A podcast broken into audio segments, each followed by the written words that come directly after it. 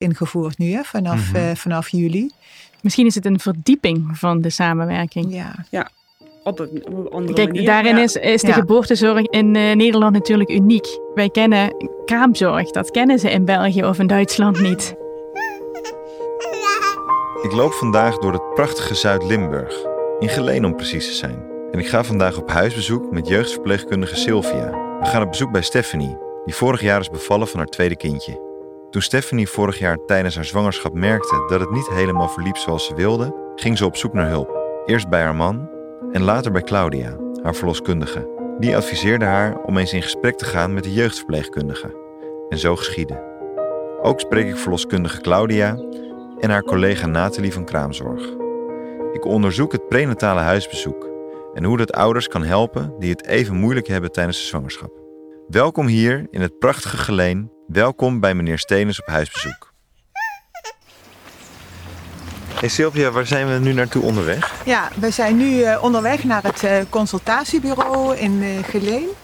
En daar ontmoeten we Claudia, de verloskundige. En we ontmoeten daar Nathalie. En zij is werkzaam bij eh, Geboortezorg Limburg, bij Kraamcentrum. En dat zijn dan eigenlijk dus drie disciplines. Dus jij als eh, jeugdverpleegkundige, Klopt. Ja, verloskundige ja, en de kraamzorg. ja, ja. Nou, we zijn gearriveerd. We lopen gelijk maar naar boven. het Want daar zitten ze. Ja.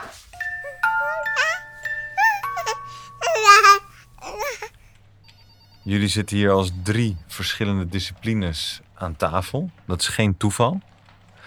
Want jullie, jullie werken ook samen. Die samenwerking was er altijd natuurlijk al. Ik denk dat Ja. het een verbinding is van Van die domeinen. Ja. ja.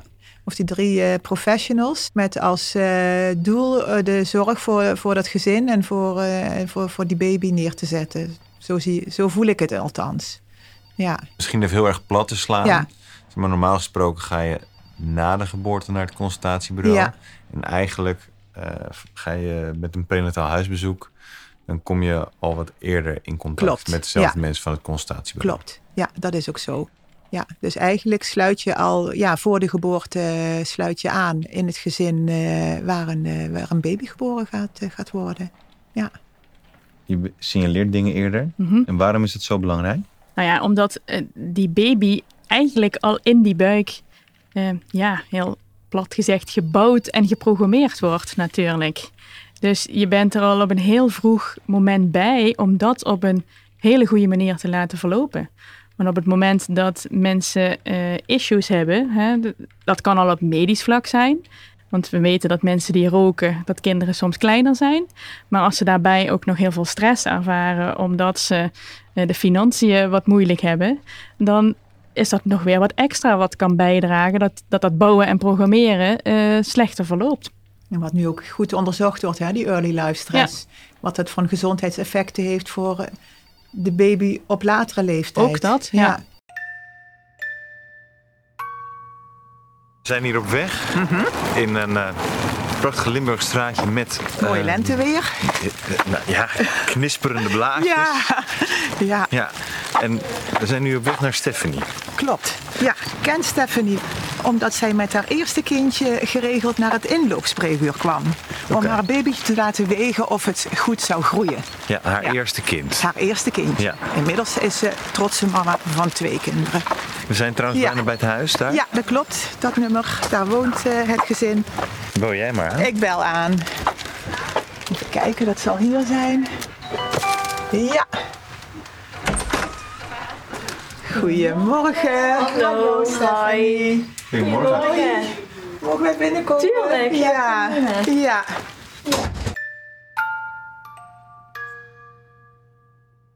Hey Stephanie, wat een eer dat jij ons ontvangt. Ik vind het heel leuk om over het hier en nu te praten, maar toch is het voor de chronologie beter om even een jaar terug in de tijd te gaan. Ja. Je kwam erachter dat je zwanger was. Mhm. En ja, de meeste vrouwen zijn heel blij als Ja. ze zwanger zijn. Ja, dat klopt. Hoe, hoe Eh, was dat voor jou? Ja, ik was, eh, deels was ik heel blij, want het eh, stond zeker wel op de planning dat we graag een tweede kindje wilden. Ehm, alleen op dat moment waren we net verhuisd, of we zaten eigenlijk net in de, in de verbouwing hier. En ik was net een nieuw bedrijf begonnen met twee collega's. Dus ja, qua timing was het wel even heel erg veel. Daarnaast was het ook zo dat bij deze zwangerschap begonnen de kwaaltjes al heel snel. Extreem moe, misselijk, eh, ja, dat soort dingen. En dat hele eh, pakketje bij elkaar maakte dat ik er niet 100% van kon genieten, nee. Nee. Nee. En wat betekent dat dan, dat je er niet 100% van kan genieten? Eh, veel zorgen, hoe gaan we het doen? Gaat het wel lukken? Wil ik dit wel? Dat vond ik eigenlijk de, de, de, de, moeilijkste gedachte die ik had. Ja, dat soort dingen eigenlijk. Ja. Buiten dat dat natuurlijk heel naar is Mhm, om dat zo te hebben, Ja, heb je wel de ruimte gevoeld om daar open over te zijn. Ja, ik merkte zelf eigenlijk dat het, eh, ja, dat het gewoon niet oké voelde voor mij. Toen had ik ook zoiets van, ik moet dit gaan uitspreken. Want als ik hiermee blijf lopen, dan, ja, dan wordt het misschien van kwaad tot erger. En bij wie heb je dat gedaan, dat uitspreken? In eerste instantie naar mijn partner toe. En toen ja, zei hij ook meteen van, ga dit ook bij een verloskundige aangeven. En uiteindelijk zijn wij samen naar een van de controles geweest, ik weet niet meer welke. En daar werd mij letterlijk gevraagd, hoe gaat het met je? Ja, en toen was dat wel het moment om, om aan te geven van, ja, ik zou willen dat het beter ging. Ja.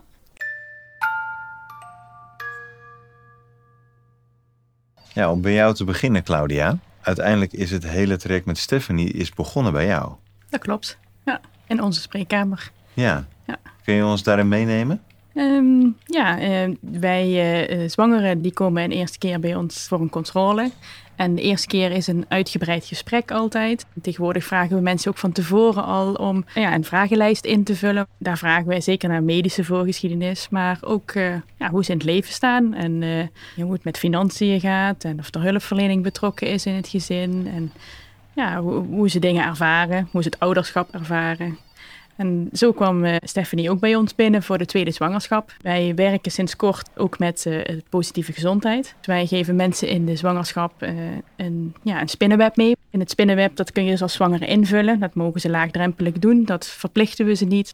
En daarop kun je een score aanbrengen van op dit gebied. Wat vind ik dan dat ik score tussen de, tussen de 0 en de 10? Dat vul je dan in. En dan kun je dus die punten met elkaar verbinden.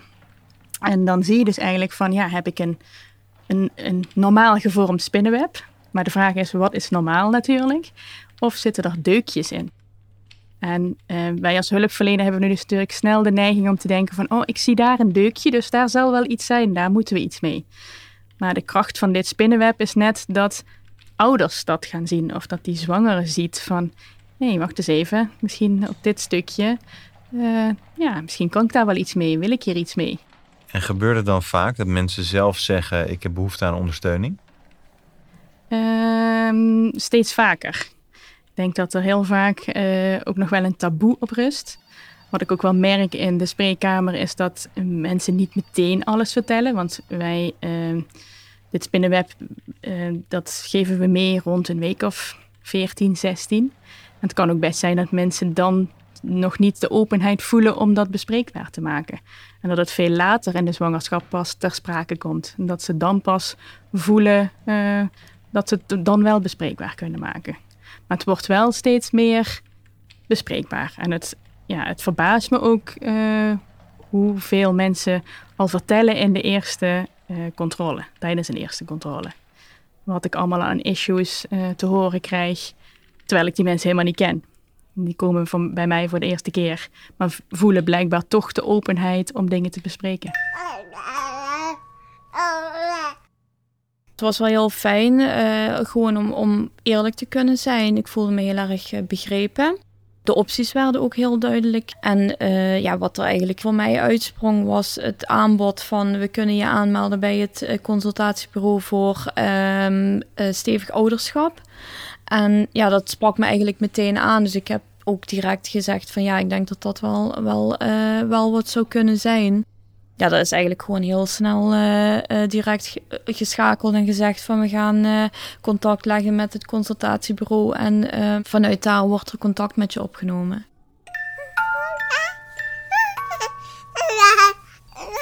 We vragen ook de altijd aan die mensen van, ja, vind je het goed dat wij de gegevens die we van jou gekregen hebben, dat we dat delen? Daar hebben ze eigenlijk altijd een stem in.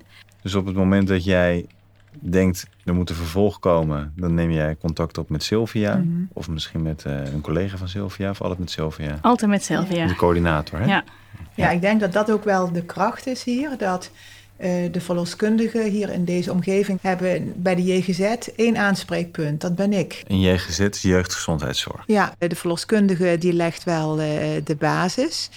Maar eh, de jeugdverpleegkundige die is denk ik wat meer op de hoogte van de sociale kaart in de buurt.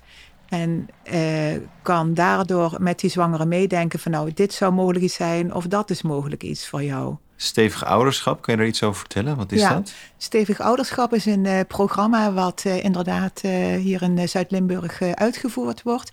En je moet dat eigenlijk zien als een, eh, een programma wat ouders een, steun, een steuntje in de rug geeft in het ouderschap.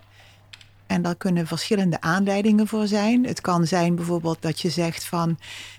ik voel me best wel onzeker. Zal ik een goede moeder zijn? Of is het van, ik word mama, zal ik wel? Of papa, kan natuurlijk ook. Eh, zal ik wel een band met mijn kindje voelen? Of wat ook wel ge- geregeld voorkomt, is van, nou weet je, vroeger heb ik het in mijn jeugd eigenlijk helemaal niet zo fijn gehad. Ik kijk erop terug, was niet prettig. Nu word ik zelf vader of moeder. En eh, als ik, ik kan er hinder van hebben en daar wil ik het over hebben. Niet als een zwaar eh, psychologisch, eh, het zijn geen psychologen, het zijn verpleegkundigen die dit uitvoeren. En die dus dan in gesprek gaan met, eh, met de ouder of de aanstaande ouder. En de ouder, die bepaalt waar we het over gaan hebben. Ja.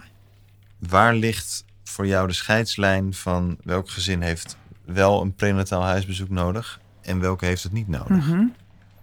Ik vind dat eh, een prenataal huisbezoek alleen maar gebracht kan worden als die persoon dat zelf wil. Het is geen eh, bemoeizorg. Hè? Het, is niet, eh, het is geen opgelegde zorg. Daar zijn ook wel andere instanties al voor. Hè? Dat als het echt slecht gaat met, als bijvoorbeeld een, een, een zwangere zelf in gevaar is of de, of, of de baby in de buik is in gevaar. Hè? Daar is het prenatale huisbezoek niet voor bedoeld. Het prenatale huisbezoek is juist bedoeld voor die groep eh, die eh, wel wat ja, problemen of issues in de zwangerschap ervaart. Wat nogmaals niet heel zwaar hoeft te zijn, maar waar je wel last van hebt. En dat daar dan bij meegedacht wordt door de jeugdverpleegkundige. En wat is nou wat past? Er is eh, vrij snel geschakeld geworden. Ik werd gebeld eh, voor een eerste kennismakingsgesprek. of in ieder geval om daar een afspraak voor te maken. Toen is een van de verpleegkundigen hier eh, thuis geweest. En toen heb ik eigenlijk zelf met de verpleegkundige die toegewezen werd... zijn er gewoon wat huisbezoeken gepland. En wat heeft jou geholpen? Eh, het, het gevoel eh, dat er iemand naar je luistert, iemand buiten je netwerk om, dus zeg maar hè, mijn partner of vriendinnen of familie of wie dan ook. Eh, toch het stukje deskundigheid wat, ja, wat iemand, wat zo'n verpleegkundige heeft. Ehm, maar ik denk juist de afstand in de zin van het is niet iemand in je naaste omgeving. Dat, ja, dat vond ik zelf wel heel fijn. Je krijgt gewoon hele goede tips waar je iets aan hebt. En er was ook natuurlijk wel heel veel ruimte voor mijn gevoelens. Maar vooral, ik was vooral op zoek naar tips en een stukje van dit is normaal, zeg maar, dit is oké. En vaak heb je vanuit je ervaring voel je toch, of eh, vanuit je omgeving voel je je toch heel erg bezwaard. Van wat vinden mensen van mij? Zouden ze me misschien, eh, eh, ja, dat ze überhaupt niet begrijpen waarom je dan aan kinderen begint dat soort meningen, daar was ik dan wel heel erg eh, bang voor. En door, ehm, door iemand te hebben die ja, iets op afstand staat, ja, mag dat er gewoon zijn. En dat vond ik wel, eh, wel fijn, ja. We hebben de afspraak ook heel erg goed kunnen, kunnen afstemmen. Want ik had zelf wel meer behoefte aan de, eh, de afspraken na de geboorte van mijn zoon. Dat is een mooi bruggetje. Ja. Nathalie, jij bent er ook. Hi. Uh, ik ben Nathalie Kreul, uh, manager uh, bij Geboortezorg Limburg en ik coördineer de proeftuin. De proeftuin is een onderzoek wat gedaan wordt, waarbij eigenlijk mensen ja, die aandachtsgebieden hebben, ja, kwetsbaarheden noem het maar, wat extra ondersteuning kunnen krijgen. Kraamzorg heeft altijd een wettelijke eigen bijdrage. En uh, vaak mensen die het financieel moeilijk hebben, hebben ook geen aanvullende zorgverzekering, waardoor ze vaak die eigen bijdrage zelf moeten betalen. En er dus een bepaalde ja, beperking ligt voor die mensen om um, ja, volledige uren kraamzorg af te nemen. Um, dus uh, om die goede start te waarborgen, zeg maar. Dus ja. uh, in die eerste pijler wordt dus die uh, eigen bijdrage kwijtgescholden. Dus mensen kunnen gewoon naar behoefte zorg op maat krijgen zonder dat daar een beperking aan ligt. Ja, ja. precies. Een vraag ook. De proef, je zegt de proeftuin is een onderzoek. Hoe ziet dat onderzoek eruit? Wat wordt er onderzocht? Nou, er wordt onderzocht of het inderdaad een meerwaarde heeft uh, dat uh, uh, ja, die eigen bijdrage kwijtgescholden wordt. Of mensen dat inderdaad triggert om toch meer zorg af te nemen, zodat ze die goede start kunnen hebben. En of, of dat hun ook inderdaad geholpen heeft, wordt onderzocht. Waardoor het misschien ook in het, uh, ja, in het ja, sociale domein zeg maar, een product wordt wat standaard aangeboden kan worden. En wat via een zorgverzekering dan ook bijvoorbeeld vergoed gaat worden. Omdat aangetoond wordt dat daardoor uh, vooral ook de medische zorg achteraf minder wordt. Omdat mensen goed voorbereid waren. Dat ze minder vaak in een ziekenhuis terechtkomen met een kindje. Omdat ze ja, toch allemaal niet helemaal goed onder de knie hebben gehad. En ja, dat daardoor gewoon mensen ja, beter op weg geholpen worden. Ja, precies. Ja. En hoe kijk je er nou op terug? Ook naar jezelf? Um, ja, positief. Ik ben heel blij dat ik op tijd aan de bel heb getrokken. Dat ik mijn gevoelens ook een plek heb kunnen geven. Dus dat heeft wel heel erg geholpen. Ik ben dankbaar dat het ook kan. Hè? Dat, dat je daarop terug kan vallen. Want als je bijvoorbeeld naar een huisarts zou gaan en je zou aangeven van ja, ik ben zwanger of ik ben net bevallen en ik voel me niet goed, ga je misschien een heel langdurig traject en waar je heel lang op een wachtlijst staat. Ja, dat, dat, vind ik, dat vond ik zelf niet nodig. Ja, en dit was gewoon lekker snel doorpakken, zeg maar, waardoor ik er ook echt wat aan gehad heb. Nee, het is gewoon een laagdrempelige manier van uh, gesteund worden. Ja. Jullie hebben er nu uh, een goed gevoel bij, maar goed, er komen onderzoekuitkomsten. Uh, stel nou dat het tegenvalt, uh, hoe, hoe, kijken jullie, hoe kijken jullie hiernaar? Ik zou dat wel heel jammer vinden als dat echt zou tegenvallen. Als zou blijken dat het prenatale huisbezoek niet oplevert wat we gedacht hadden dat het opleverde. Als blijkt dat het allemaal niet werkt en die huisbezoeken weer pas na de kraamtijd gepland gaan worden, ja, dat je ook heel veel dingen gaat missen. En uh, zoals het in een vroegere situatie was, dan kwam de kraamverzorgster daar. En aan het einde van die acht dagen, uh, ja, dan moest je de ouders vragen of je contact op mocht nemen met JGZ. Uh, om je zorgen te delen met JGZ, zodat ze het kunnen opvolgen. Maar dan zit je dus wel al vaak twee weken na een bevalling, voordat er ja, iets in beeld komt. En nu zit je al gewoon ver voor die bevalling. En wat merken de ouders hiervan, of de zwangeren, zoals het hier uh, gezegd wordt? Ja, als een programma zoals Stevig Ouderschap naar aanleiding van zo'n prenataal huisbezoek wordt ingezet, dan uh, krijg, je, krijg ik daarna de evaluaties binnen van de mensen die de cursus of de, het programma Stevig Ouderschap gevolgd hebben. Ja, die zijn overwegend positief. Ja, heel positief, kan ik wel zeggen. Ja dat het echt ervaren is als een steun in de rug. Want dat is ook het doel van stevig ouderschap. Het is geen zwaarwegende, hè, langdurige zorg, maar het is kortdurend. En het, ja, toch wel een lichte interventie. Maar wel heel belangrijk, ja. Ik vond het vooral moeilijk om het toe te geven. Ja. Zou ik het zo kunnen benoemen dat, dat er ook een beetje schaamte was? Absoluut, ja om, om daar gewoon eerlijk over te mogen zijn. Dat is voor mij een motivatie om mijn verhaal te delen. Uh, maar vooral ook om andere mensen of zwangeren het gevoel te geven dat dat, dat oké is. Je bent niet raar als je er niet meteen van geniet. Of, uh, en het is ook niet meteen dat er dan iets met, mis met je is. Uh, maar dat het gewoon hele normale emoties zijn.